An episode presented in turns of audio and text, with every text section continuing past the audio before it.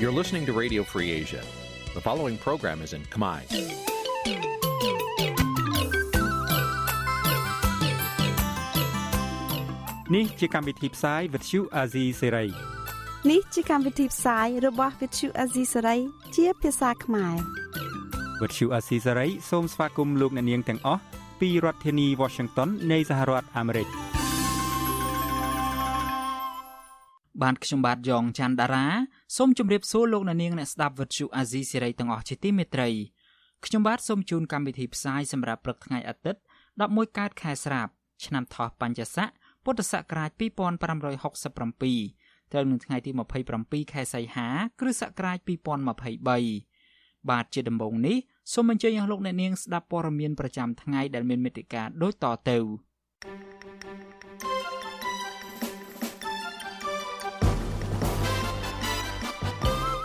អ្នកជំនាញច្បាប់ថាលោកហ៊ុនម៉ាណែតនឹងពិបាកកែតម្រង់ប្រព័ន្ធយុតិធធពលរដ្ឋមានទំនាស់ដីធ្លីនៅខេត្តកោះកុងទទូចដល់រដ្ឋាភិបាលថ្មីដោះលែងសកម្មជនដីធ្លីទាំង9នាក់ក្រុមហ៊ុនចិននៅខេត្តកំពង់ធំធ្វើអាជីវកម្មរ៉ែមាសប៉ះពាល់ដីស្រែចម្ការរបស់ពលរដ្ឋ ការតែងតាំងមន្ត្រីជាន់ខ្ពស់កាន់តែច្រើននឹងធ្វើឲ្យប្រសិទ្ធភាពការងារធ្លាក់ចុះរួមនឹងព័ត៌មានសំខាន់សំខាន់មួយចំនួនទៀត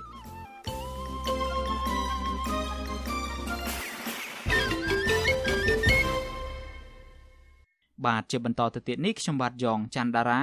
សូមជូនព័ត៌មានទាំងនេះពឹស្ដាលោកនាយករដ្ឋមន្ត្រីហ៊ុនម៉ាណែតបានកំណត់យកការពង្រឹងប្រព័ន្ធយុតិធធគឺជាបញ្ហាអាទិភាពមួយ ក្នុងចំណោមបញ្ហាផ្សេងទៀតនៃយុទ្ធសាស្ត្របញ្ចកោណដែលរដ្ឋាភិបាលអាណត្តិទី7ត្រូវដោះស្រាយជាបន្ទាន់មន្ត្រីសង្គមស៊ីវិលលើកឡើងថាបញ្ហាធំមួយនៅក្នុងចំណោមបញ្ហាផ្សេងទៀតដែលពិបាកនៅក្នុងការកែតម្រង់ប្រព័ន្ធយុតិធធនោះគឺបពពួកនៅក្នុងស្ថាប័នរដ្ឋបាទលោកសេកបណ្ឌិតរាយការណ៍ពឹស្ដារអំពីរឿងនេះរដ្ឋាភិបាលអាណត្តិទី7កំណត់យក ការពង្រឹងប្រព័ន្ធយុទ្ធធរជាបញ្ហាអាទិភាពមួយក្នុងការធ្វើកំណែតម្រង់ដោយចាប់ផ្ដើមពីការដោះស្រាយវិវាទទាំងក្នុងនិងក្រៅប្រព័ន្ធតុលាការរួមទាំងយន្តការត្រួតពិនិត្យលើភាពមិនប្រក្រតីថ្លែងនៅក្នុងកិច្ចប្រជុំគណៈរដ្ឋមន្ត្រីលើកដំបូងកាលពីថ្ងៃទី24ខែសីហាលោកហ៊ុនម៉ាណែតថ្លែងថាបន្ថែមលើការពន្លឿនការដោះស្រាយវិវាទទាំងក្រៅនិងក្នុងប្រព័ន្ធតុលាការនោះ នឹងមានយន្តការត្រួតពិនិត្យភាពមិនប្រក្រតីនានាថែមទៀតដើម្បីធានាយុត្តិធម៌ដល់ប្រជាពលរដ្ឋគ្រប់គ្នាក៏ដូចជាលើកកម្ពស់ដំណាភាពសុចរិតភាពនិងភាពត្រឹមត្រូវនៅក្នុងការអនុវត្តច្បាប់និងចំណាត់ការរឿងក្តីដោយតុលាការការលើកឡើងកម្មវិធីនយោបាយរបស់លោកហ៊ុនម៉ាណែតនេះបន្ទាប់ពីការដឹកនាំរបស់ឪពុករបស់លោកគឺលោកហ៊ុនសែន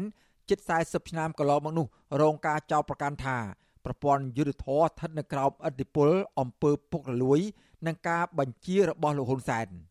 ចំណាយពលរដ្ឋរងគ្រោះពីការរំលោភបំពានយកដីធ្លី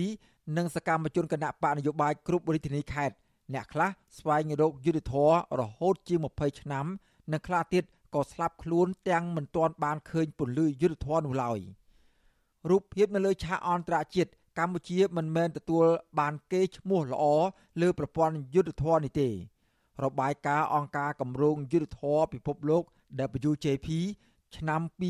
2022បានដាក់កម្ពុជា នៅក្នុងចំណាត់ថ្នាក់លេខ139ក្នុងចំណោម140ប្រទេស គឺនៅលើប្រទេសវេណេស៊ុយអេឡាតែមួយគត់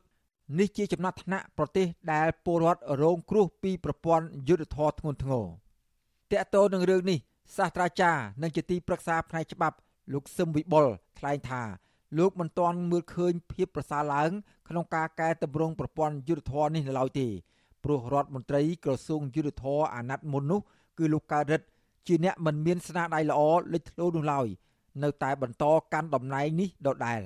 លោកបន្តថាបញ្ហាអ្នកមានអំណាចដាក់សម្ពាធលើស្ថាប័នយុទ្ធធរនៅតែជាឧបសគ្គធំ។ បើសិនជារដ្ឋមន្ត្រីយុតិធធហើយចាក្រមទាំងអស់គាត់ចង់ធ្វើ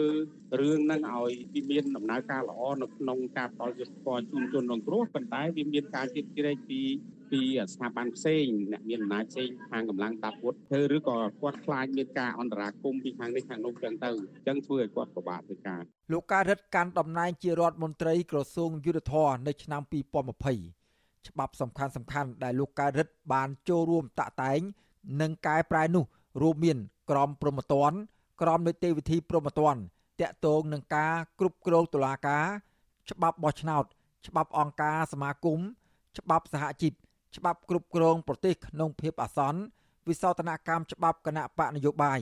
រួមទាំងការកែប្រែរដ្ឋធម្មនុញ្ញដើម្បីបើកផ្លូវឲ្យកាន់តែងាយស្រួលដល់លោកហ៊ុនសែនផ្ទេរអំណាចទៅឲ្យកូនប្រុស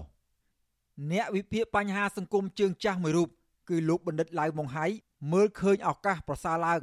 នៃប្រព័ន្ធយុទ្ធធរមានតិចណាស់ដោយសារតែមនោគមវិជ្ជាច្បាប់កុម្មុយនីសមានឥទ្ធិពលលើកម្ពុជា គឺការដាក់ចៅក្រមព្រះរាជអាជ្ញា និងមន្ត្រីតុលាការផ្សេងទៀតចូលរួមជាមន្ត្រីបកលោកបណ្ឌិតបន្តថាបើចង់កែតម្រង់ប្រព័ន្ធយុតិធធឲ្យល្អប្រសើរឡើងមែននោះត្រូវអនុវត្តតាមរដ្ឋធម្មនុញ្ញគឺឲ្យអំណាចតុលាការឯករាជ្យ ចំណែកអ្នកសិក្សាច្បាប់លោកវ៉ុនចាន់លូតវិញយល់ឃើញថា ដើម្បីពង្រឹងប្រព័ន្ធយុតិធធគឺចៅក្រម និងព្រះរាជអាជ្ញាត្រូវធ្វើការដោយឯករាជ្យលោកបន្តថាបើតុលាការមិនទាន់អាចផ្ដល់យុត្តិធម៌បានទេមហាជនត្រូវតែធ្វើចលនាទៀមទាឡើងវិញអ្នកសិក្សាច្បាប់រូបនេះបញ្ជាក់ទៀតថាដើម្បីពង្រឹងប្រព័ន្ធយុត្តិធម៌បានល្អมันអាចរំពឹងតែទៅលើរដ្ឋាភិបាលនោះទេ ព្រោះអ្នកកាន់អំណាចតែងតែដាក់សម្ពាធលើតុលាការដើម្បីរក្សាអំណាចពីព្រោះអ្នកដែលមានអំណាចមួយមួយនោះតែងតែព្យាយាមរកឱកាសដើម្បីឲ្យខ្លួនឯងនឹងអាចពង្រឹងអំណាចឲ្យខ្លួនឯងនឹងអាចទៅនឹងធ្វើការកេងចំណេញអំពីអំណាចដតីដតីផ្សេងទៀតនឹងបាទចំណែកប្រធានសមាគមការពារសិទ្ធិមនុស្សអាត6លោកនីសុខាជាអ្នកធ្វើការងារលើកកម្ពស់ផ្នែកសិទ្ធិមនុស្សនិងប្រព័ន្ធយុត្តិធម៌លើកឡើងថា ដើម្បីពង្រឹងប្រព័ន្ធយុត្តិធម៌ត្រូវធ្វើឲ្យកម្ពុជាទាំងមូលក្លាយជាប្រទេសដែលគោរពច្បាប់បានល្អលោកនីសុខាបន្តថាឧបសគ្គជាច្រើនក្នុងការពង្រឹងប្រព័ន្ធយុត្តិធម៌ដូចជាអំពើពុករលួយ ការដាក់សម្ពាធពីអ្នកមានអំណាចរួមទាំងបញ្ហាចៅក្រមនិងព្រះរាជអាជ្ញាខ្វះសមត្ថភាពជាដើមលោកនីសុខាលមើលឃើញថាឧបសគ្គធំក្នុងការធ្វើកំណែតម្រង់ប្រព័ន្ធយុតិធធក្នុងអាណត្តិនេះ គឺបពពួកនៅក្នុងស្ថាប័នថ្នាក់ដឹកនាំ។ពិសេសគឺរឿងបកពួកនិយមនឹងតែម្ដងប៉ុន្តែបើយើងមើលឃើញអំពីការរៀបចំរចនាសម្ព័ន្ធថ្មីរបស់រដ្ឋាភិបាលនេះយើងចង់មិនចង់គេមើលទៅឃើញថាសិតតែបងប្អូនកូនចៅរបស់អ្នកដឹកនាំជំនាន់មុនទាំងអស់នេះអញ្ចឹងវាអាចធ្វើឲ្យនៅមានការដែលមិនទាន់មានសុខភាពនិយមប្រមាណដែរអំពីពួកយើងដែលជាអ្នកសង្កេតមើលហ្នឹងណាទាំងអ្នកជំនាញផ្នែកច្បាប់មន្ត្រីអង្គការសង្គមស៊ីវិល និងអ្នកវិភាគលើកឡើងប្រហាក់ប្រហែលគ្នាថាដើម្បីពង្រឹងប្រព័ន្ធយុត្តិធម៌គឺមានតែគោរពទៅតាមរដ្ឋធម្មនុញ្ញចែកឲ្យដាច់ពីគ្នារវាងអំណាចនីតិបញ្ញត្តិនីតិប្រតិបត្តិនិងតុលាការទន្ទឹមគ្នានេះរដ្ឋាភិបាលត្រូវដើរតួនាទីឲ្យសកម្មក្នុងការទប់ស្កាត់អំពើពុករលួយ និងការបង្កើតបកពួកនៅតាមស្ថាប័នរដ្ឋប៉ុន្តែបើធ្វើតាមនីតិវិធីទាំងនេះរដ្ឋាភិបាលអាណត្តិទី7ដោយធ្វើអត្តឃាតខ្លួនឯង ព្រោះសមាជិកសមាជិករដ្ឋាភិបាលសុទ្ធតែខ្សែស្រឡាយបពពួកគ្រួសារស្ទើរតែទាំងអស់ចំណែកការអនុវត្តច្បាប់គឺលោកហ៊ុនម៉ាណែតប្រឈមមុខមុនគេព្រោះលោកព្រមទទួលតំណែងនាយករដ្ឋមន្ត្រីដែលឪពុកលោករៀបចំឲ្យ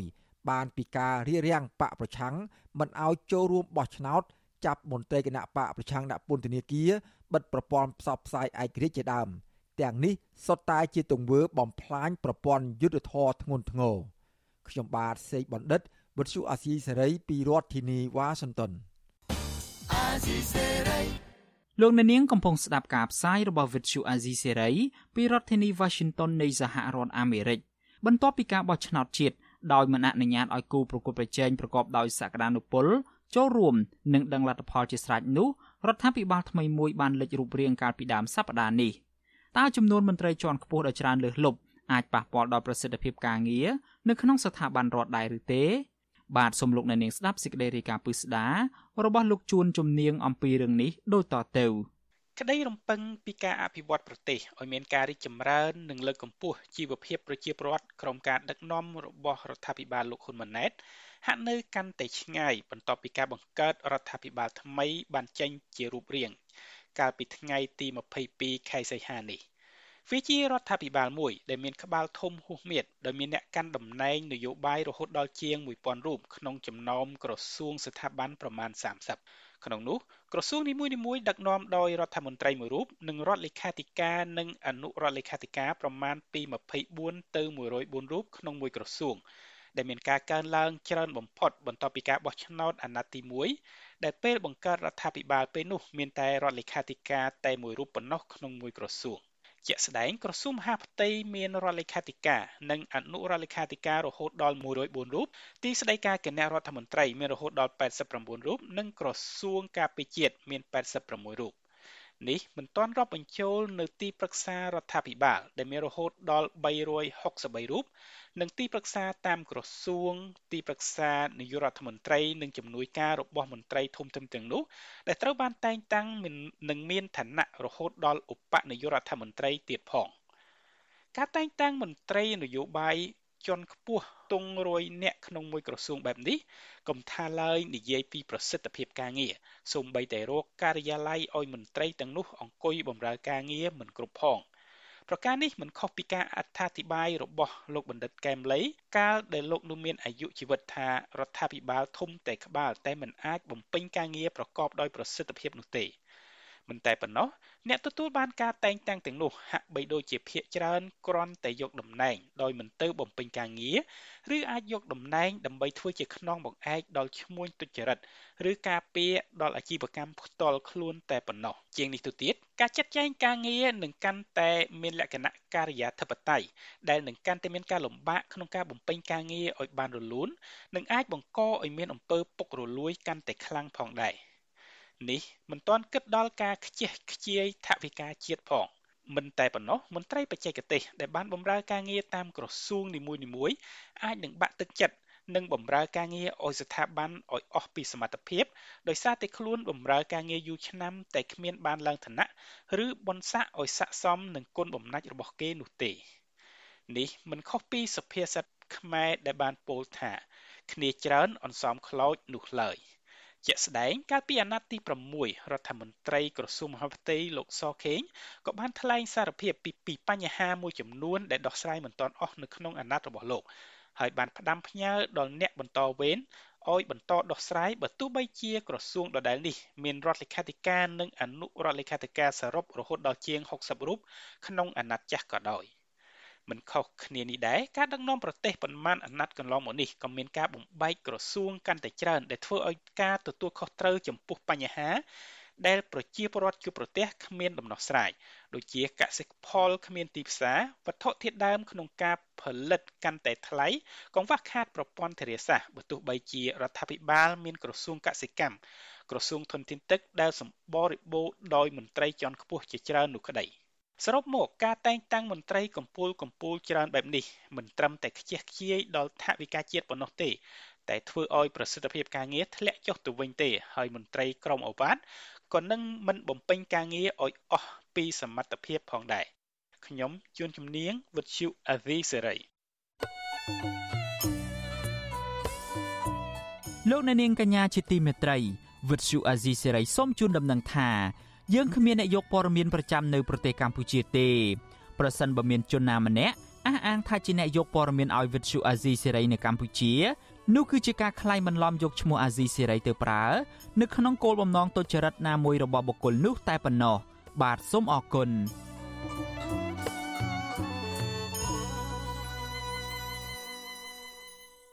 បាទលោកនាងជាទីមេត្រីតកតងទៅនឹងរឿងការតែងតាំងមន្ត្រីនយោបាយដ៏ច្រើនសន្ធឹកសន្ធាប់នេះ អ្នកវិភាគនយោបាយលើកឡើងថា ការតែងតាំងទីប្រឹក្សា និងជំនួយការនាយករដ្ឋមន្ត្រីរហូតដល់ទៅជិត200នាក់គឺជាការចំណាយថវិកាជាតិដែលបានមកពីការប្រមូលពន្ធរបស់ប្រជាពលរដ្ឋខ្មែរដោយខ្ជះខ្ជាយមន្ត្រីគណៈបកប្រឆាំងយល់ឃើញថាការតែងតាំងទីប្រឹក្សាច្រើនសន្ធឹកសន្ធាប់ដូចនេះមិនត្រឹមតែឆ្លុះបញ្ចាំងពីអសមត្ថភាពរបស់នាយករដ្ឋមន្ត្រីថ្មីប៉ុណ្ណោះទេក៏ប៉ុន្តែក៏ជាការបង្កើតប្រព័ន្ធការពារគ្នាទៅវិញទៅមក នៅក្នុងការធ្វើអាជីវកម្មដោយខុសច្បាប់ផងដែរ បាទនេះជាសេចក្តីរាយការណ៍របស់លោកយុនសាមៀន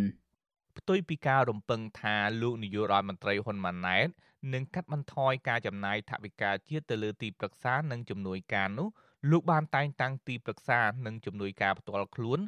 រហូតសរុបដល់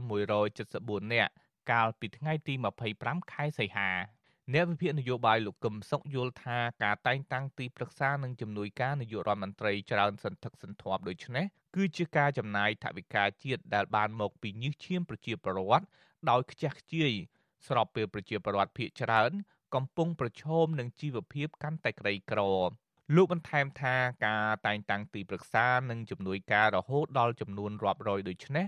នឹងមិនធ្វើឲ្យការងាររបស់លោកនាយករដ្ឋមន្ត្រី មានប្រសិទ្ធភាពនោះឡើយ ឪពុកបានអនុវត្តនៅនយោបាយសំពងសំពាយទីប្រឹក្សាច្រើនគណៈរដ្ឋមន្ត្រីរាប់រយនាក់ដោយគ្មានការខ្មាស់អៀនវាសមណាស់កូននឹងឡើងមកនាំគ្នាលាងសម្អាតនៅអំពើដ៏កក្រិចរបស់ឪពុកហ្នឹងប៉ុន្តែអត់ធ្វើទេបែរទៅជាបន្តបន្តកាន់តែអាក្រក់ជាងឪពុកទៅទៀតអាហ្នឹងហើយនាំភាពអាប់អោននិងអាម៉ាស់ធ្ងន់ធ្ងរណាស់ទៅដល់ប្រទេសជាតិ ប្រតិកម្មរបស់អ្នកវិភាគនយោបាយបែបនេះធ្វើឡើងបន្ទាប់ពីព្រះមហាក្សត្រសម្ដេចនរោត្តមសីហមុនីបានចេញព្រះរាជក្រឹត្យពីរដាច់ដោយឡែកពីគ្នា ដោយតែងតាំងទីប្រឹក្សានាយករដ្ឋមន្ត្រីចំនួន104នាក់និងជំនួយការនាយករដ្ឋមន្ត្រីចំនួន70នាក់កាលពីថ្ងៃទី25ខែសីហាទីប្រឹក្សានាយករដ្ឋមន្ត្រីនិងជំនួយការនាយករដ្ឋមន្ត្រីសុទ្ធតែទទួលបានងារជាឯកឧត្តមនិងបានទទួលប្រាក់បំណាច់មុខងារ ដែលមានឋានៈចាប់ពីអគ្គនាយករហូតដល់ទេសរដ្ឋមន្ត្រីជាមួយគ្នានេះទោះបីជាទីប្រឹក្សានាយករដ្ឋមន្ត្រីមួយចំនួនពុំទទួលបានប្រាក់បំណាច់មុខងារក្តីប៉ុន្តែទីប្រឹក្សាទាំងនោះត្រូវគេមើលឃើញថាគឺជាបុគ្គលដែលមានទ្រព្យសម្បត្តិស្ដុកស្ដំនិងពាក់ព័ន្ធជាមួយអាជីវកម្មដែលរំលោភសិទ្ធិមនុស្សធ្ងន់ធ្ងរជាក់ស្ដែងអុកញ៉ាពងខៀវសែ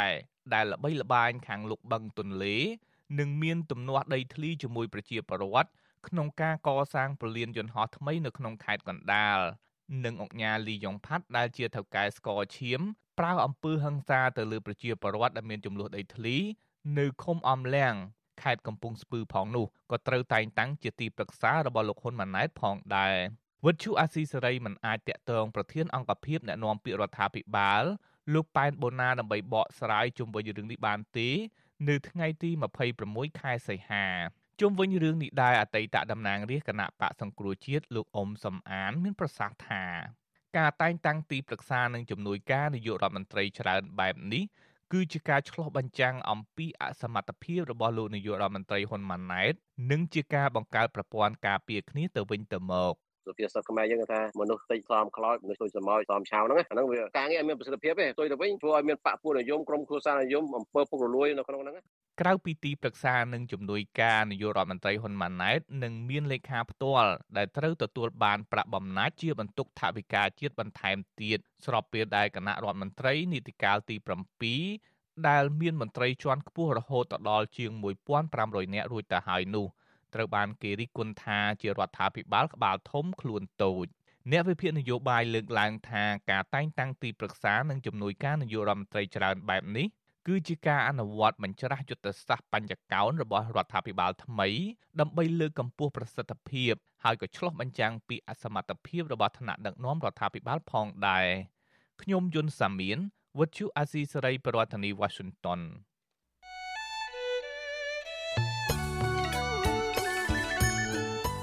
លោកអ្នកនាងជាទីមេត្រីវិទ្យុអាស៊ីសេរី ចាប់ផ្ដើមដំណើរការផ្សាយផ្ទាល់កម្មវិធីព័ត៌មានទាំងពេលព្រឹកនិងពេលយប់ជាផ្លូវការនៅលើបណ្ដាញសង្គមថ្មីមួយទៀតគឺបណ្ដាញសង្គម Telegram ចាប់ពីខែមេសាឆ្នាំ2023នេះតទៅលោកអ្នកនាងអាចស្វែងរក Telegram ផ្លូវការរបស់វិទ្យុអាស៊ីសេរីដោយស្វែងរកពាក្យថាវិទ្យុអាស៊ីសេរីឬក៏ RFA ខ្មែរនៅលើទូរស័ព្ទដៃរបស់លោកអ្នកនាង។បាទ Telegram ផ្លូវការរបស់ Vithu Azizi Siri មានសញ្ញា Tick ជាសញ្ញាសម្គាល់ បាទក្រុមការងាររបស់ Vithu Azizi Siri នឹងព្យាយាមរិះរកមធ្យោបាយថ្មីថ្មីបន្ថែមទៀតដើម្បីផ្ដល់ភាពងាយស្រួលដល់លោកអ្នកនាងកញ្ញា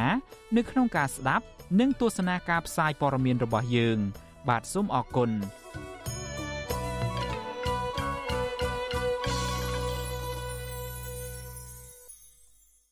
បាទលោកអ្នកនាងជាទីមេត្រីយើងងាកមកចាប់អារម្មណ៍ពាក់ព័ន្ធទៅនឹងបញ្ហាសុខទុក្ខរបស់អ្នកជាប់ឃុំនយោបាយឯនេះវិញ មន្ត្រីជាន់ខ្ពស់នៃអគ្គនាយកដ្ឋានពន្ធនាគារបញ្ជាក់ថាឆ្មាំពន្ធនាគារនឹងបញ្ជូនមន្ត្រីគណៈបកភ្លើងទៀនគឺលោកតូចថងទៅព្យាបាលជំងឺនៅក្រៅពន្ធនាគារនៅដើមសប្តាហ៍នេះបាទការសម្រេចនេះគឺបន្ទាប់ពីក្រុមគ្រួសារមន្ត្រីគណៈបកភ្លើងទៀនរូបនេះបានស្នើដល់តុលាការនិងមន្ត្រីពន្ធនាគារអនុញ្ញាតឲ្យលោកតូចថងដែលមានជំងឺភ្នែកធ្ងន់ធ្ងរបានចេញទៅព្យាបាលជំងឺភ្នែកនេះទៅតាមការណែនាំរបស់គ្រូពេទ្យជំនាញនៅមន្ទីរពេទ្យមិត្តភាពខ្មែរសូវៀត បាទលោកថាថៃរាយការណ៍អំពីរឿងនេះគ្រូសាសកម្មជនបកប្រឆាំងព្រួយបារម្ភអំពីជំងឺភ្នែករបស់លោកទូចថងដែលអាចឈានដល់ពីការភ្នែកមួយជីវិតប្រសិនបើតុលាការនិងអាជ្ញាធរពន្ធនាគារនៅតែយឺតយ៉ាវបញ្ជូនរូបលោកទៅពិនិត្យនិងព្យាបាលជំងឺភ្នែកនៅមន្ទីរពេទ្យជំនាញខាងក្រៅពន្ធនាគារប្រពន្ធមន្ត្រីគណៈបកភ្លឹងទៀនលោកទូចថងគឺលោកស្រីសុវណ្ណាប្រវត្តិជអាស៊ីសេរីនៅថ្ងៃទី26សីហាថារយៈពេល2សប្តាហ៍មកហើយ មន្ត្រីពន្ធនាគារមិនទាន់នាំប្តីលោកស្រីទៅព្យាបាលជំងឺនៅមន្ទីរពេទ្យខាងក្រៅនៅឡើយទេ បន្ទាប់ពីពេទ្យជំនាញបានពិនិត្យនិងឆ្លោះរកឃើញបាតភ្នែកប្តីរបស់លោកស្រីធ្លាយដែលត្រូវវះកាត់និងព្យាបាលជាចាំបាច់ប្រពន្ធមន្ត្រីបកប្រឆាំងរូបនេះឲ្យដឹងទៀតថា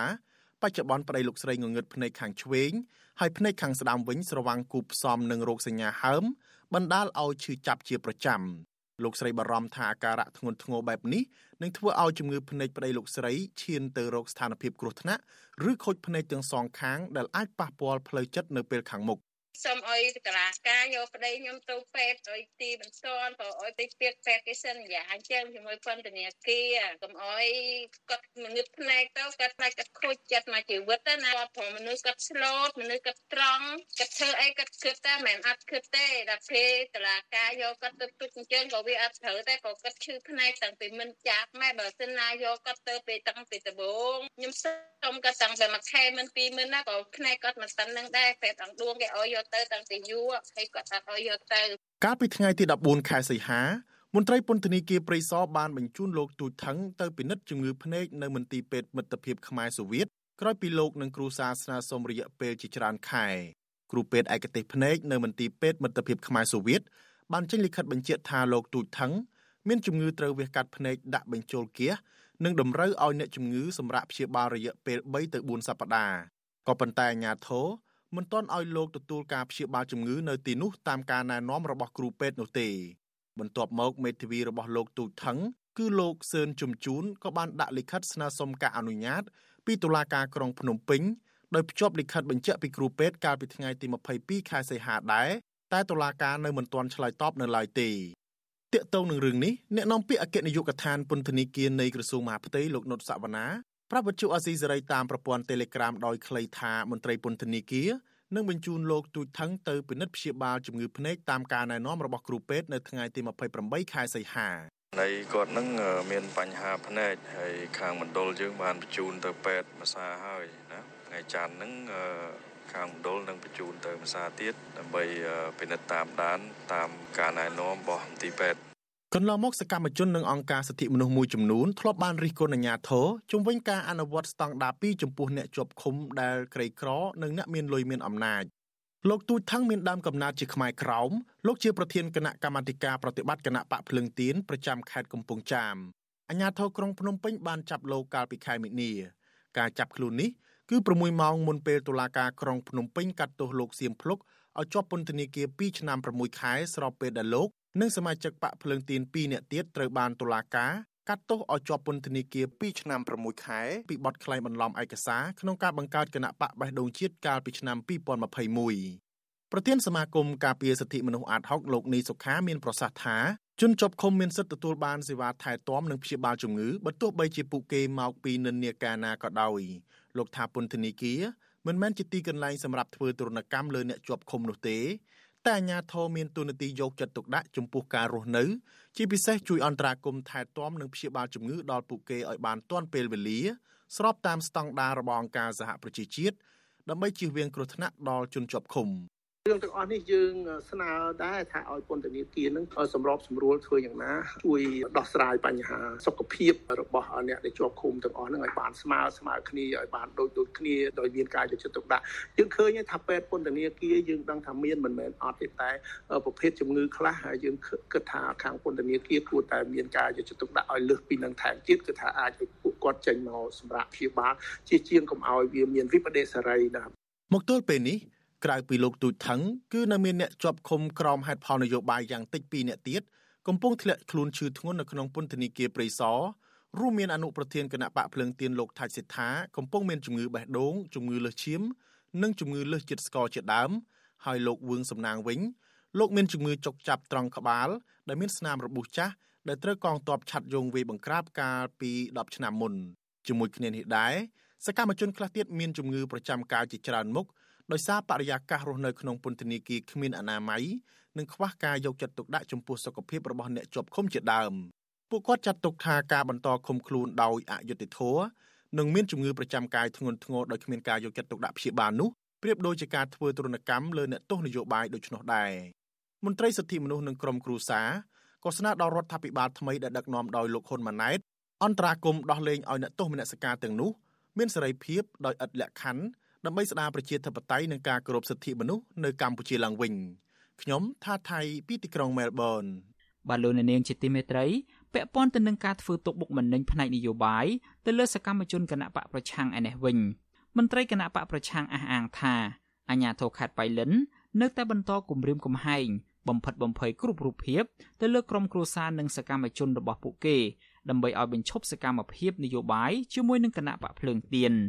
បាទការលើកឡើងបែបនេះគឺបន្ទាប់ពីផ្ទះនិងជាទីស្នាក់ការគណៈបកភ្លើងទៀននៅខេត្តបៃលិនត្រូវបានជន់មិនស្គាល់មុខលួចចូលរុះរើឯកសារនិងយករបស់របរមួយចំនួនរបស់គណៈបកភ្លើងទៀនមន្ត្រីគណៈបកប្រឆាំងលើកឡើងថា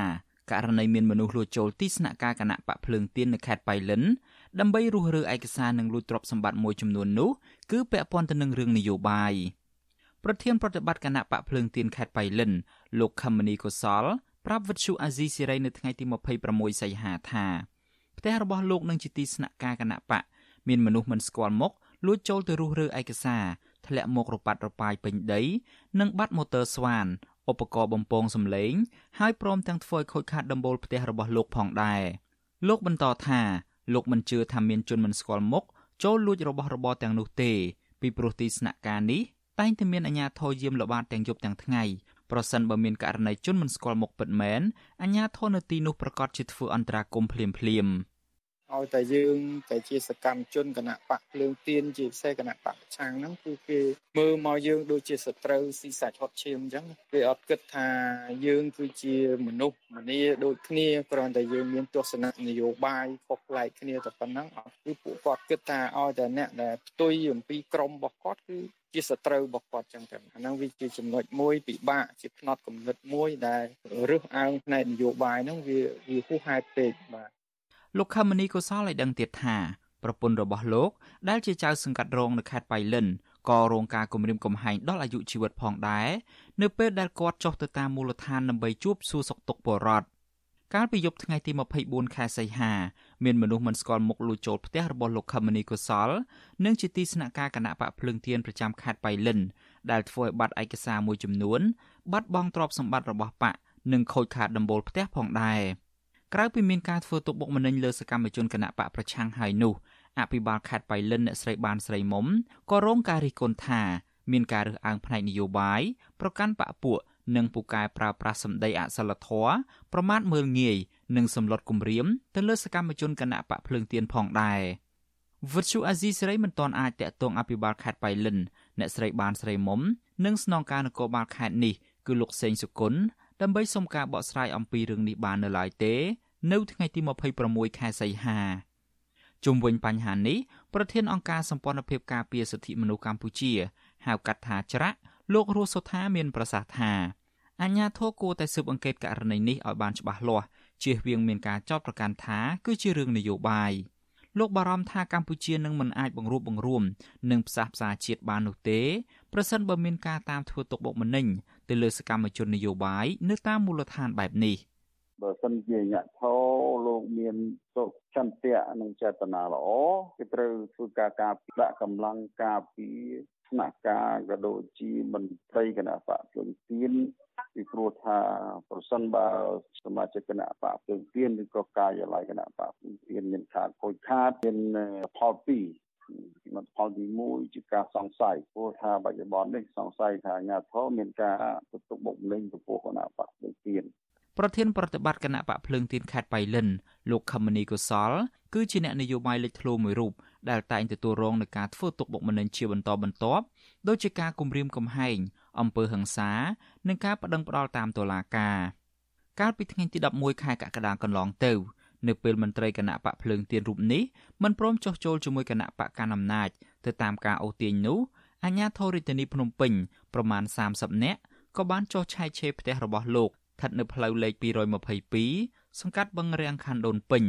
និងរកចាប់ខ្លួនលោកក៏ប៉ុន្តែពេលនោះ លោកមិនបាននៅផ្ទះឡើយនៅពេលនេះលោកខមមនីកុសល កំពុងភៀសខ្លួននៅប្រទេសថៃដើម្បីរក្សាសុវត្ថិភាព និងបន្តការតស៊ូផ្នែកនយោបាយបាទលោកអ្នកនាងជាទីមេត្រីខ្ញុំបាទសូមជម្រាបជូនលោកអ្នកនាងកញ្ញាទាំងអស់ឲ្យបានជ្រាបថាវិទ្យុអាស៊ីសេរីនៅពេលនេះមានការផ្សាយនៅតាមវិទ្យុរលកថេដាកាខ្លីឬមួយក៏ short wave តាមកម្រិតនិងកម្ពស់ថ្មីមួយ គឺតាមកម្រិតនិងកម្ពស់ដូចតទៅនេះ បាទពេលព្រឹកគឺចាប់ពីម៉ោង5កន្លះដល់ម៉ោង6កន្លះតាមរយៈប៉ុស SW 12.14 MHz ស្មើនឹងកម្ពស់ 25m និងប៉ុស SW 13.71 MHz ស្មើនឹងកម្ពស់ 22m ពេលយប់ចាប់ពីម៉ោង7កន្លះដល់ម៉ោង8កន្លះតាមរយៈប៉ុស SW 9.33 MHz ស្មើនឹងកម្ពស់ 32m ប៉ុស SW 11.88 MHz ស្មើនឹងកម្ពស់ 25m និងប៉ុស SW 12.15 MHz ស្មើនឹងកម្ពស់ 25m បាទសូមអរគុណ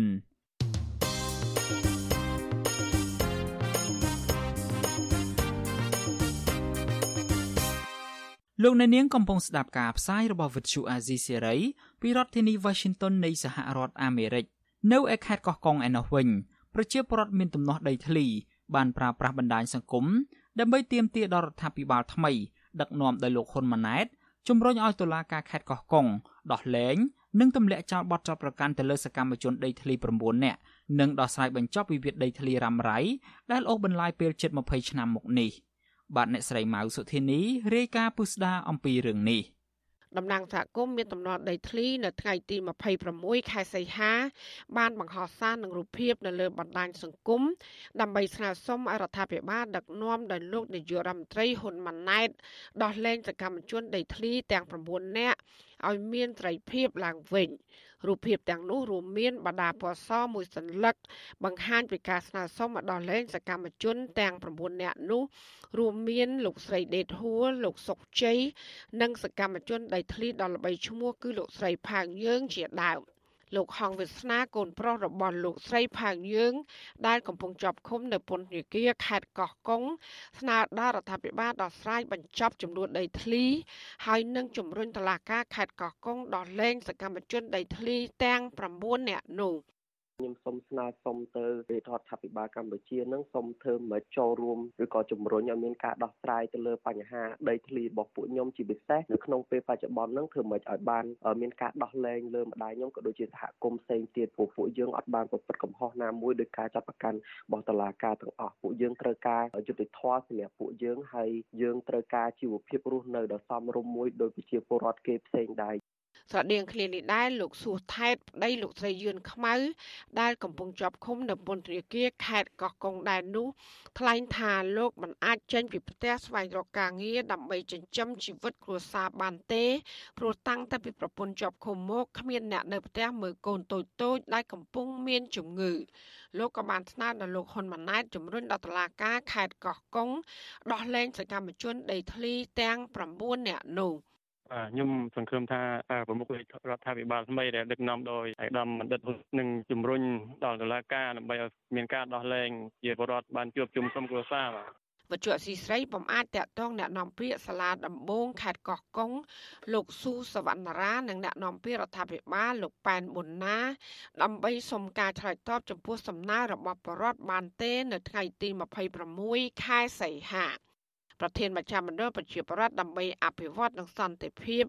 លោកយងកំឯងមានប្រសាសន៍ថាអាញាធរគួរតែដោះស្រាយបញ្ចប់វិវាទដីធ្លីដរ៉ាំរ៉ៃនេះដែលបានអូសបន្លាយពេលជិត20ឆ្នាំមកនេះឲ្យបានឆាប់ឆាប់សម្រាប់ប្រជាពលរដ្ឋដែលពឹងអាស្រ័យ ជីវភាពប្រចាំថ្ងៃហ្នឹងទៅលើតែដីស្រែទៅលើតែដីធ្លីហ្នឹងបាទអញ្ចឹងបើសិនជាអត់មានដំណោះស្រាយទេគឺអាដំណើរការនៃការតវ៉ាហ្នឹងការតវ៉ាហ្នឹងវាអត់មានឈប់ឈរបាទនៅតែមានអញ្ចឹងបាទគ្នាដឹងថាតវ៉ាខ្លាំងអាចប្រឈមនឹងការជប់ទុកជប់ចង្វាក់អញ្ចឹងប៉ុន្តែគ្នាអត់មានជំរើសអីផ្សេងក្រៅពីតវ៉ាហ្នឹងកាលពីថ្ងៃទី15ខែសីហាសាលាដំបងខេត្តកោះកុង ប្រកាសសាក្រមលើសំណុំរឿងរបស់តំណាងសហគមន៍ដីធ្លី197ដោយសម្រេចឲ្យតំណាងសហគមន៍ចំនួន10នាក់ជាប់ពន្ធនាគារក្នុងម្នាក់ម្នាក់មួយឆ្នាំ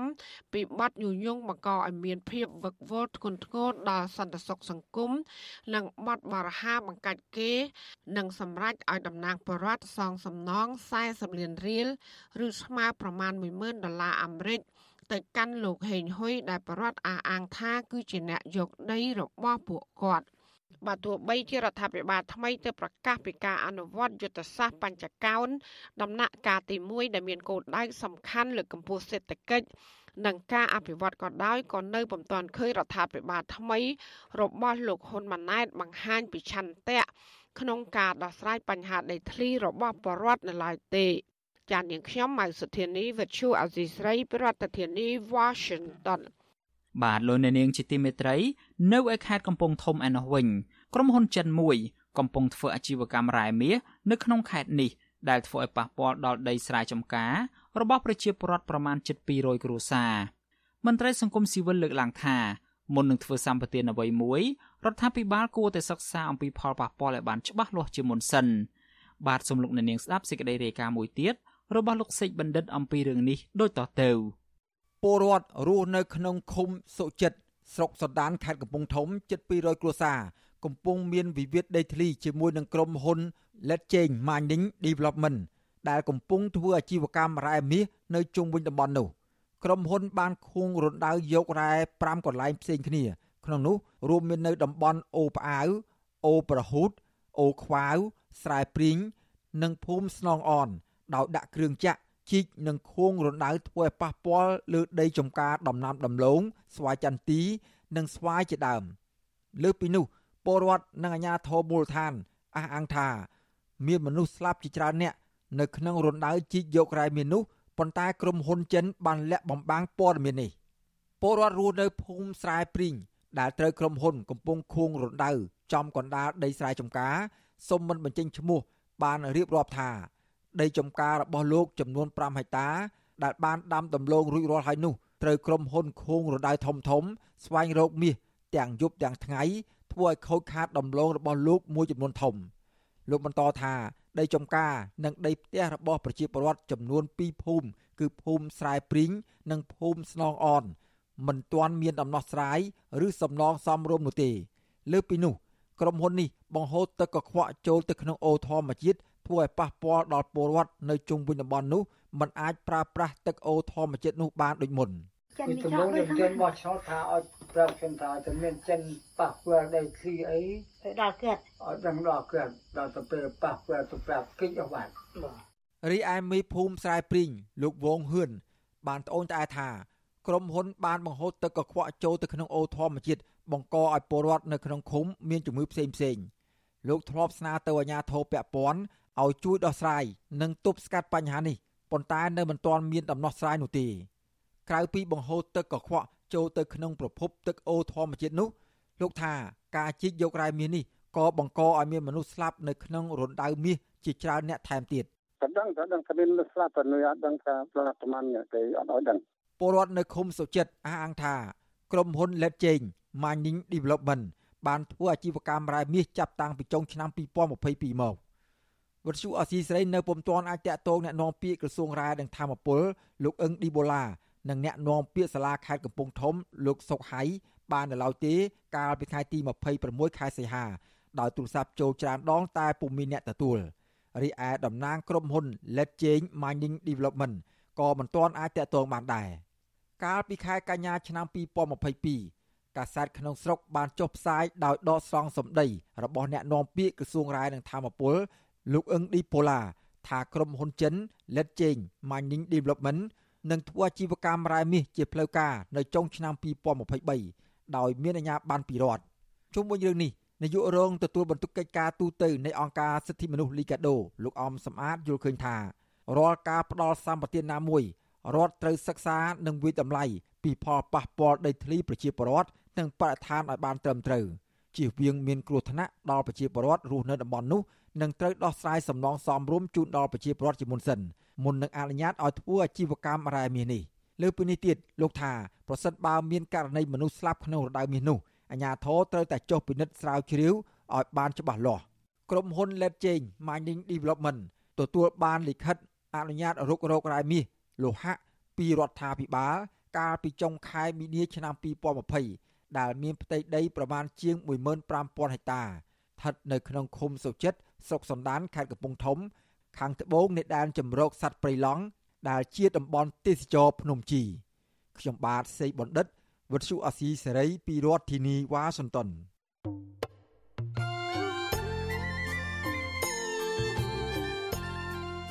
លោកអ្នកនាងជាទីមេត្រី នៅក្នុងឱកាសនេះដែរខ្ញុំបាទសូមថ្លែងអំណរគុណដល់លោកអ្នកនាងកញ្ញាទាំងអស់ដែលតែងតែមានភក្ដីភាពចំពោះការផ្សាយរបស់យើង ហើយចាត់ទុកការស្ដាប់វិទ្យុអាស៊ីសេរីគឺជាផ្នែកមួយនៃសកម្មភាពប្រចាំថ្ងៃរបស់លោកអ្នកនាងគឺការគ្រប់គ្រងរបស់លោកអ្នកនាងនេះហើយ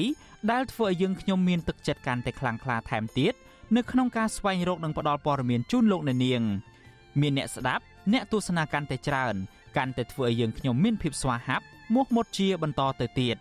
យើងខ្ញុំសូមអរគុណទុកជាមុនហើយសូមអញ្ជើញលោកអ្នកនាងកញ្ញាទាំងអស់ចូលរួមជំរុញឲ្យសកម្មភាពផ្តល់ព័ត៌មានយើងនេះ កាន់តែជោគជ័យបន្ថែមទៀតលោកអ្នកនាងអាចជួយយើងខ្ញុំបានដោយគ្រាន់តែចុចចែករំលែកឬមួយក៏ Share ការផ្សាយរបស់យើងនៅលើបណ្ដាញសង្គម Facebook និង YouTube ទៅកាន់មិត្តភ័ក្តិដើម្បីឲ្យការផ្សាយរបស់យើងបានទៅដល់មនុស្សកាន់តែច្រើន បាទសូមអរគុណ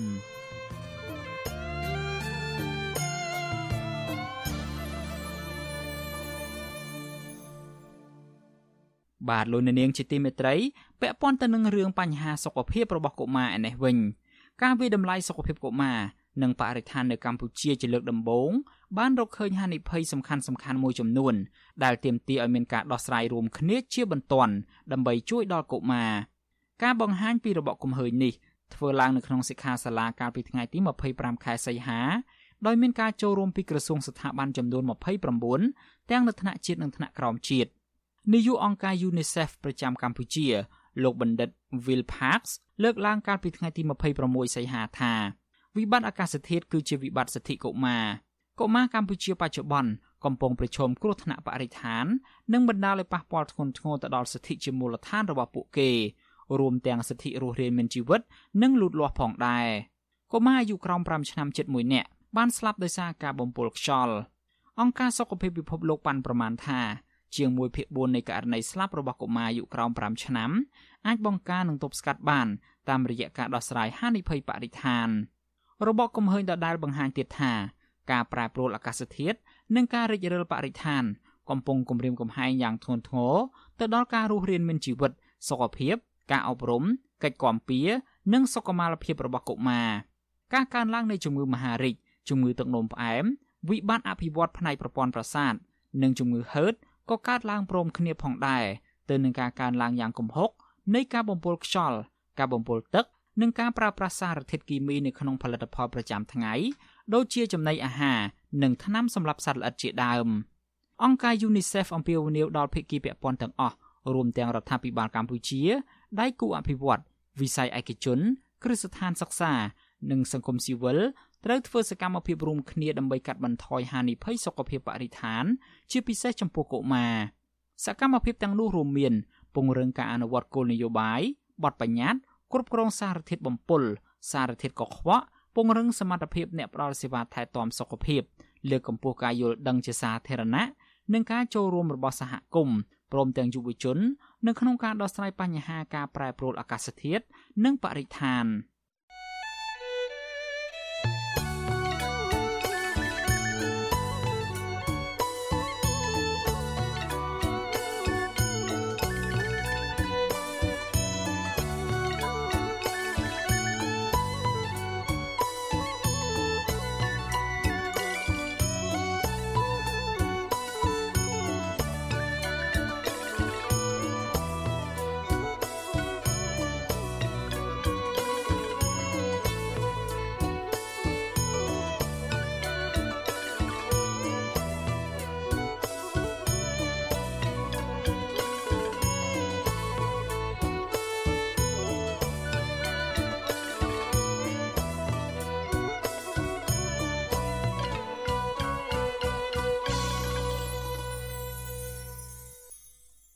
លោកអ្នកនាងកំពុងស្ដាប់ការផ្សាយរបស់ Vuthu Azizi Serai ពីរដ្ឋធានី Washington នៃសហរដ្ឋអាមេរិកបន្ទាប់ពីការបោះឆ្នោតជាតិដោយមិនអនុញ្ញាតឲ្យគូប្រកួតប្រជែងប្រកបដោយសក្តានុពលចូលរួមនិងដឹងលទ្ធផលជាស្រេចនោះរដ្ឋាភិបាលថ្មីមួយបានលេចរូបរាងកាលពីដើមសប្តាហ៍នេះតើចំនួនមន្ត្រីជាន់ខ្ពស់ដ៏ច្រើនលើសលប់អាចប៉ះពាល់ដល់ប្រសិទ្ធភាពការងារនៅក្នុងស្ថាប័នរដ្ឋដែរឬទេបាទសូមលោកអ្នកនាងស្ដាប់សេចក្តីរាយការណ៍ពឹស្ដា របស់លោកជួនជំនាញអំពីរឿងនេះដូចតទៅក្តីរំពឹងពីការអភិវឌ្ឍប្រទេសឲ្យមានការរីកចម្រើននិងលើកកម្ពស់ជីវភាពប្រជាពលរដ្ឋក្រោមការដឹកនាំរបស់រដ្ឋាភិបាលលោកហ៊ុនម៉ាណែតហាក់នៅកាន់តែឆ្ងាយបន្ទាប់ពីការបង្កើតរដ្ឋាភិបាលថ្មីបានចេញជារូបរាងកាលពីថ្ងៃទី22ខែសីហានេះ វាជារដ្ឋាភិបាលមួយដែលមានក្បាលធំហួសមៀតដោយមានអ្នកកាន់តំណែងនយោបាយរហូតដល់ជាង1000រូបក្នុងចំណោមក្រសួងស្ថាប័នប្រមាណ30ក្នុងនោះក្រសួងនីមួយៗដឹកនាំដោយរដ្ឋមន្ត្រីមួយរូបនិងរដ្ឋលេខាធិការនិងអនុរដ្ឋលេខាធិការប្រមាណពី24ទៅ104រូបក្នុងមួយក្រសួងដែលមានការកើនឡើងច្រើនបំផុតបន្ទាប់ពីការបោះឆ្នោតអាណត្តិទី1ដែលពេលបង្កើតរដ្ឋាភិបាលពេលនោះមានតែរដ្ឋលេខាធិការតែមួយរូបប៉ុណ្ណោះក្នុងមួយក្រសួង ជាក់ស្ដែងក្រសួងមហាផ្ទៃមានរដ្ឋលេខាធិការនិងអនុរដ្ឋលេខាធិការរហូតដល់104រូបទីស្តីការគណៈរដ្ឋមន្ត្រីមានរហូតដល់89រូបនិងក្រសួងការពារជាតិមាន86រូប នេះមិនទាន់រាប់បញ្ចូលនៅទីប្រឹក្សារដ្ឋាភិបាល ដែលមានរហូតដល់363រូបនិងទីប្រឹក្សាតាមក្រសួង ទីប្រឹក្សានាយករដ្ឋមន្ត្រីនិងជំនួយការរបស់មន្ត្រីធំធំទាំងនោះដែលត្រូវបានតែងតាំងនិងមានឋានៈរហូតដល់ឧបនាយករដ្ឋមន្ត្រីទៀតផងការតែងតាំងមន្ត្រីនយោបាយ ជាន់ខ្ពស់ទងរយអ្នកក្នុងមួយក្រសួងបែបនេះកុំថាឡើយនិយាយពីប្រសិទ្ធភាពការងារសូម្បីតែរកការិយាល័យឲ្យមន្ត្រីទាំងនោះអង្គុយបម្រើការងារមិនគ្រប់ផងប្រការនេះមិនខុសពីការអត្ថាធិប្បាយរបស់លោកបណ្ឌិតកែមលីកាលដែលលោកនោះមានអាយុជីវិតថារដ្ឋាភិបាលធំតែក្បាលតែមិនអាចបំពេញការងារប្រកបដោយប្រសិទ្ធភាពនោះទេ មិនតែប៉ុណ្ណោះអ្នកទទួលបានការតែងតាំងទាំងនោះហាក់បីដូចជាភាកច្រើនគ្រាន់តែយកតំណែងដោយមិនទៅបំពេញការងារឬអាចយកតំណែងដើម្បីធ្វើជាខ្នងបង្អែកដល់ឈ្មួញទុច្ចរិតឬការពារដល់អាជីវកម្មផ្ទាល់ខ្លួនតែប៉ុណ្ណោះជាងនេះទៅទៀតការចាត់ចែងការងារនឹងកាន់តែមានលក្ខណៈការិយាធិបតេយ្យដែលនឹងកាន់តែមានការលំបាកក្នុងការបំពេញការងារឲ្យបានរលូននិងអាចបង្កឲ្យមានអំពើពុករលួយកាន់តែខ្លាំងផងដែរ។ នេះមិនទាន់គិតដល់ការខ្ជះខ្ជាយថវិកាជាតិផងមិនតែប៉ុណ្ណោះមន្ត្រីបច្ចេកទេសដែលបានបម្រើការងារតាមក្រសួងនីមួយៗអាចនឹងបាក់ទឹកចិត្តនិងបម្រើការងារឲ្យស្ថាប័នឲ្យអស់ពីសមត្ថភាពដោយសារតែខ្លួនបម្រើការងារយូរឆ្នាំតែគ្មានបានឡើងឋានៈឬបនស័កឲ្យស័ក្តិសមនឹងគុណបំណាច់របស់គេនោះទេនេះមិនខុសពីសុភាសិតខ្មែរដែលបានពោលថា គ្នាច្រើនអន្សមខ្លោចនោះឡើយ។ ជាក់ស្ដែងកាលពីអាណត្តិទី6រដ្ឋមន្ត្រីក្រសួងមហាផ្ទៃលោកសខេងក៏បានថ្លែងសារភាពពីពីបញ្ហាមួយចំនួនដែលដោះស្រាយមិនទាន់អស់នៅក្នុងអាណត្តិរបស់លោកហើយបានផ្ដាំផ្ញើដល់អ្នកបន្តវេនឲ្យបន្តដោះស្រាយបើទោះបីជាក្រសួងដដែលនេះមានរដ្ឋលេខាធិការនិងអនុរដ្ឋលេខាធិការសរុបរហូតដល់ជាង60រូបក្នុងអាណត្តិចាស់ក៏ដោយ។ មិនខុសគ្នានេះដែរការដឹកនាំប្រទេសប៉ុន្មានអាណត្តិកន្លងមកនេះក៏មានការបំបែកក្រសួងកាន់តែច្រើនដែលធ្វើឲ្យការទទួលខុសត្រូវចំពោះបញ្ហាដែលប្រជាពលរដ្ឋជួបប្រទះគ្មានដំណោះស្រាយដូចជាកសិផលគ្មានទីផ្សារវត្ថុធាតុដើមក្នុងការផលិតកាន់តែថ្លៃកង្វះខាតប្រព័ន្ធធារាសាស្ត្របើទោះបីជារដ្ឋាភិបាលមានក្រសួងកសិកម្មក្រសួងធនធានទឹកដែលសម្បូរបូរដោយមន្ត្រីជាន់ខ្ពស់ជាច្រើននោះក្តី។ សរុបមកការតែងតាំងមន្ត្រីកម្ពូលកម្ពូលច្រើនបែបនេះមិនត្រឹមតែខ្ជះខ្ជាយដល់ថវិកាជាតិប៉ុណ្ណោះទេតែធ្វើឲ្យប្រសិទ្ធភាពការងារធ្លាក់ចុះទៅវិញទេហើយមន្ត្រីក្រមអវ៉ាត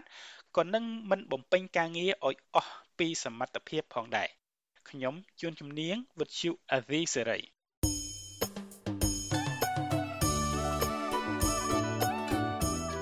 លោកអ្នកនាងជាទីមេត្រី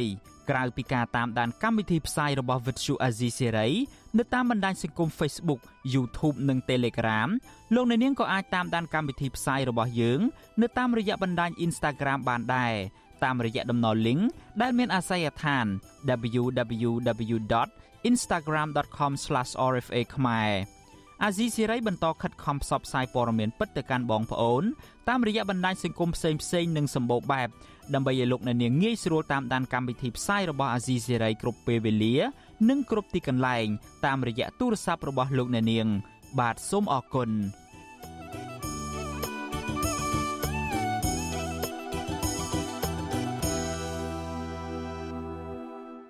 លោកអ្នកនាងជាទីមេត្រី វិទ្យុអាស៊ីសេរី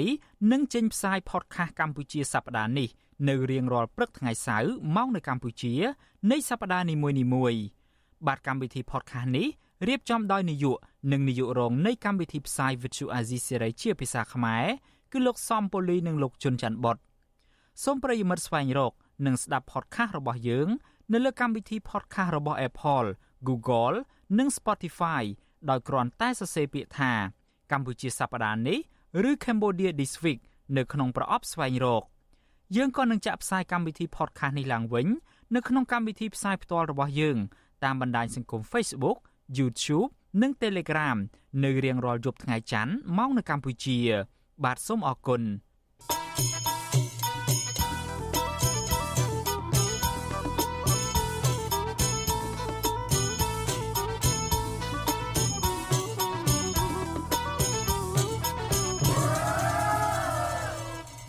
លោកអ្នកនាងកំពុងស្ដាប់ការផ្សាយរបស់ Vuthu Azizi Serai ពីរដ្ឋធានី Washington នៃសហរដ្ឋអាមេរិកក្រមយុវជន និងប្រជាពលរដ្ឋរស់នៅក្នុងខេត្តស្វាយរៀងសោកស្ដាយព្រែកមួយខ្សែដែលបន្សល់តាំងពីសម័យបារាំងនិងស្ដារឡើងវិញនៅក្នុងសម័យខ្មែរក្រហម បានបាត់បង់ទៅវៀតណាមគ្រប់គ្រងក្រោយការបោះបង្គោលព្រំដែនកាលពីឆ្នាំ2017ពេលកម្ពុជា កំពុងមានវិបត្តិនយោបាយប្រជាពលរដ្ឋនិងមន្ត្រីសង្គមស៊ីវិលស្នើដល់រដ្ឋាភិបាលអាណត្តិថ្មី ផ្ទៀងផ្ទាត់ចំពោះការបោះបង្គោលព្រំដែនកម្ពុជាវៀតណាមឡើងវិញ។បានអ្នកស្រីស្ងួនអមរាសូមជូនសេចក្តីរាយការណ៍ពិស្ដាអំពីរឿងនេះដូចតទៅព្រែកមួយខ្សែមានប្រវែងទទឹងចន្លោះជាង20ម៉ែត្រដល់ជាង40ម៉ែត្របណ្ដោយជាង100គីឡូម៉ែត្រ ស្ថិតក្នុងខេត្តព្រៃវែងនិងខេត្តស្វាយរៀងត្រូវបានពលរដ្ឋនិងយុវជនអះអាងថា បានរបូតទៅវៀតណាម បន្ទាប់ពីរដ្ឋាភិបាលកម្ពុជា និងវៀតណាម បានឯកភាពគ្នាដោយស្ងាត់ស្ងាត់កំណត់ខណ្ឌសីមាព្រំដែនតាមបណ្ដោយដងព្រែកនេះកាលពីឆ្នាំ2017ព្រែកនេះ ត្រូវបានរដ្ឋាភិបាលវៀតណាមគ្រប់គ្រងទាំងស្រុងនៅរយៈពេលជាង6ឆ្នាំចុងក្រោយនេះដោយវៀតណាមបានប្រើប្រាស់ព្រែកនេះធ្វើនាវាចរដឹកទំនិញនិងកសិផលមកលក់នៅកម្ពុជា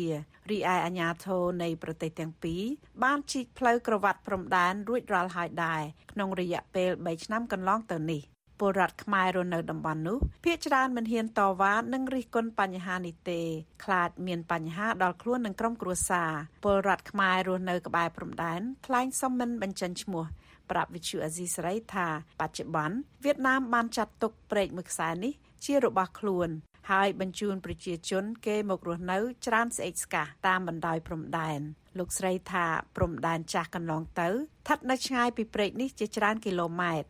ពីមុនមិន គោនៅត្រឹមហ្នឹងអញ្ចឹងតាមខ្ញុំធ្លាប់ឃើញអញ្ចឹងតែជាខិតមកដល់ហ្នឹងអញ្ចឹងគោនឹងតំបោះតំបោះដែរពីមុនហូសស្ពានហ្នឹងហូសស្ពានហ្នឹងហូសអឺកន្លែងប៉ុស្តិ៍វៀតណាមរងថ្ងៃអញ្ចឹងទៅបងទៀតទៅតាមមុនដីហ្នឹងប្រែកហ្នឹងគេអត់នេះនឹងដាក់ជីកដីដាក់ខណ្ឌអញ្ចឹងទេពីមុនធំជាងហ្នឹងដល់ពេលគេចាប់ដើមបោះបកគោលខ្មែរយើងព្រំដែនហ្នឹងបានគេចាប់ដើមធ្វើប៉ុស្តិ៍ថ្មីនឹងនៅឯប្រែកហ្នឹងក៏រងថ្ងៃអញ្ចឹង ព្រែកសម័យបារាំងមួយខ្សែនេះប្រវែងជាង100គីឡូម៉ែត្រលាតសន្ធឹងពីខេត្តព្រៃវែងរហូតទល់នឹងខេត្តស្វាយរៀងឆ្លងកាត់ស្រុកស្វាយជ្រុំនិងក្រុងស្វាយរៀងអ្នកស្រុកខ្លះបានហៅព្រែកនេះថាព្រែកតែអងហើយកាលពីសម័យប៉ុលពត អ្នកភូមិបានជីកស្ដារព្រែកនេះឲ្យជ្រៅងាយស្រួលធ្វើកសិកម្មនិងទាញទឹកប្រើប្រាស់ជាដើម យុវជនរស់នៅរាជធានីភ្នំពេញលោកសៀងរក្សា ស្នើឲ្យរដ្ឋាភិបាលអាណត្តិថ្មី បើកចិត្តទូលាយអនុញ្ញាតយុវជន ចូលរួម តាមដានពីការបោះបង្គោលព្រំដែនដើម្បីស្វែងយល់ពីបូរណភាពទឹកដី លោកសង្កេតឃើញថាការបោះបង្គោលព្រំដែនកន្លងទៅ មានការលាក់បាំងច្រើន វាព័ត៌មានអត់ឃើញច្បាស់ការឃើញបង្ហាញជាសាធារណៈដល់ប្រជាពលរដ្ឋដល់យុវជនទេខ្ញុំក៏នៅសង្ស័យថាការបោះបកគោព្រំព្រំដែននេះគឺលក្ខណៈមិនត្រូវទៅតាមច្បាប់ត្រូវទៅតាមផ្ទៃដីផ្ទៃកាឡាឆ្លើយតបរឿងនេះអ្នកនាំពាក្យសាលាខេត្តស្វាយរៀងលោករស់សុផារិតប្រាប់វិទ្យុអាស៊ីសេរីថាខេត្តស្វាយរៀង នៅមិនតាន់បោះបង្គោលព្រំដែនរួចរាល់នៅឡើយទេ នៅសេសសល់តិចតួចក៏ប៉ុន្តែ លោកមិនបញ្ជាក់លម្អិតថាតំបន់ដែលមិនតាន់កំណត់ព្រំដែនរួចស្ថិតក្នុងស្រុកណានោះឡើយលោកបដិសេធមិនអត្ថាធិប្បាយចំពោះការបោះបង្គោលព្រំដែនដែលធ្វើឲ្យខ្មែរបាត់បង់ព្រែកមួយខ្សែទៅវៀតណាម ដោយលោកថា ជាភារកិច្ចរបស់គណៈកម្មការព្រំដែនយើងកំពុងតែ ភាសាគ្នាមិនទាន់មានការឯកភាពគ្នានៅសល់កន្លែងហ្នឹងចំណុចហ្នឹងហ្នឹងហើយព្រោះយើងធ្វើការបញ្ញត្តិវិយ័យចំណែករដ្ឋមន្ត្រីទទួលបន្ទុកកិច្ចការព្រំដែនដែលទៅតែងតាំងថ្មីលោកឡាំជាក៏បដិសេធបំភ្លឺរឿងនេះដែរដោយសារលោកថាគណៈកម្មការព្រំដែនកំពុងរៀបចំរចនាសម្ព័ន្ធ ថ្នាក់ដឹកនាំកម្រិតរដ្ឋបាល និងអគ្គនាយករដ្ឋបាលមិនទាន់រួចរាល់នៅឡើយទេលោកបញ្ជាក់ថាលោកនឹងបំភ្លឺរឿងនេះនៅពេលរៀបចំការងាររួចរាល់រងចាំច្បាប់ចេញសិនបននឹងការពីអនុក្រឹត្យរៀបចំទៅទៅហើយពេលនោះចាំផែនការការងារស្អីស្អីអានឹងវាពេញពេញផ្លូវច្បាប់តែម្ដងតកតងរឿងនេះអតីតតំណាងរាជគណៈបកសង្គ្រោះជាតិលោកអ៊ុំសំអាន សង្កេតឃើញថាការបោះបង្គោលព្រំដែនកន្លងទៅ រដ្ឋាភិបាលកម្ពុជាមិនផ្អែកតាមមរតករបស់បារាំងនិងផ្អែកតាមអនុសញ្ញាកម្ពុជាកូសាំងស៊ីនឆ្នាំ1973នោះទេ គឺបោះតាមសន្ធិសញ្ញាឆ្នាំ1985ដែលជាសន្ធិសញ្ញាខុសច្បាប់មិនធ្វើទៅតាមអ្វីដែលមរតកបារាំងដែលយើងដឹងមរតកបារាំងគឺមិនអាចបាត់ដីខ្មែរយើងទេហើយទី2គណៈកម្មការព្រំដែនយើងលោកសានជាពាក់គុណយួនធ្វើទៅតាមយួនកំណត់យួនកំណត់ថាចំណេះចំណេះទៅបន្លាយនេះទៅបន្លាយនេះជុំវិញរឿងនេះប្រធានក្រុមប្រឹក្សាខ្លមមើលកម្ពុជានៅប្រទេសជណែលលោកម៉ាណាតយល់ថារដ្ឋាភិបាលអាណត្តិថ្មី ត្រូវកសាងឯកសារប្តឹងភាគីវៀតណាមទៅតុលាការយុត្តិធម៌អន្តរជាតិក្នុងករណីវៀតណាម បង្ខំឲ្យកម្ពុជាចុះហត្ថលេខាលើសន្ធិសញ្ញាខុសច្បាប់កន្លងទៅ ដែលធ្វើឲ្យកម្ពុជា បាត់បង់បូរណភាពទឹកដីតាមតំបន់ព្រំដែន នេះឱកាសថ្មីនេះរដ្ឋាភិបាលហ៊ុនម៉ាណែតនេះបើថាឪពុកគាត់ជាប់សន្ធិសញ្ញាព្រំដែនខុសច្បាប់ហ្នឹងជាមួយវៀតណាមជាប់កិច្ចសន្យាហ្នឹងអញ្ចឹងហ៊ុនម៉ាណែតហ្នឹងបញ្ញាបញ្ញាឡើងយកឯកសារសន្ធិសញ្ញាខុសច្បាប់ខុសកិច្ចព្រមព្រៀងក្រុងរីខុសរដ្ឋធម្មនុញ្ញទាំងអស់ហ្នឹងមួយភាគីវៀតណាមមកធ្វើនារីកឲ្យរដ្ឋស្នើឲ្យរដ្ឋសភាធ្វើនារីកលុបចោលរួចទៅយើងរៀបចំឯកសារប្តឹងបានទៅវៀតណាមហ្នឹងហ៊ុនម៉ាណែតមានគេឈ្មោះសម្រាប់ជាតិហើយឲ្យទៅហ៊ានធ្វើរឿងហ្នឹង ពលរដ្ឋបន្ថែមថាការបោះបង្គោលព្រំដែនកន្លងទៅ មានភាពមិនប្រក្រតីច្រើនណាស់ដោយភាគីវៀតណាម មានយុទ្ធសាស្ត្រឈ្លានពានគ្រប់រូបភាពដោយមានដីស្រែខ្លះប្រជាជនវៀតណាម បានទិញពីពលរដ្ឋខ្មែរដើម្បីកាន់កាប់ជាដី របស់វៀតណាម ហើយការសាងសង់ផ្លូវក្រវ៉ាត់ព្រំដែនទៀតសោតខាងភាគីវៀតណាម គឺជាអ្នកចាញ់ថ្លៃចំណាយទាំងអស់ កម្ពុជា មានព្រំដែនជាប់នឹងប្រទេសវៀតណាម ចំនួន1245គីឡូម៉ែត្រដែលត្រូវបោះបង្គោលព្រំដែនសរុបចំនួន371បង្គោលបច្ចុប្បន្នប្រទេសទាំងពីរបានបោះបង្គោលរួចរាល់ចំនួន315បង្គោលឬស្មើនឹង84%ហើយ នៅសេសសល់បង្គោលចំនួន56ទៀតស្ថិតនៅខេត្តរតនគិរីមណ្ឌលគិរីត្បូងឃ្មុំស្វាយរៀងខេត្តកណ្ដាលនិងខេត្តតាកែវ នាងខ្ញុំស្ងួនអមរា Vithu Azizi Saray ពីរដ្ឋធានី Washington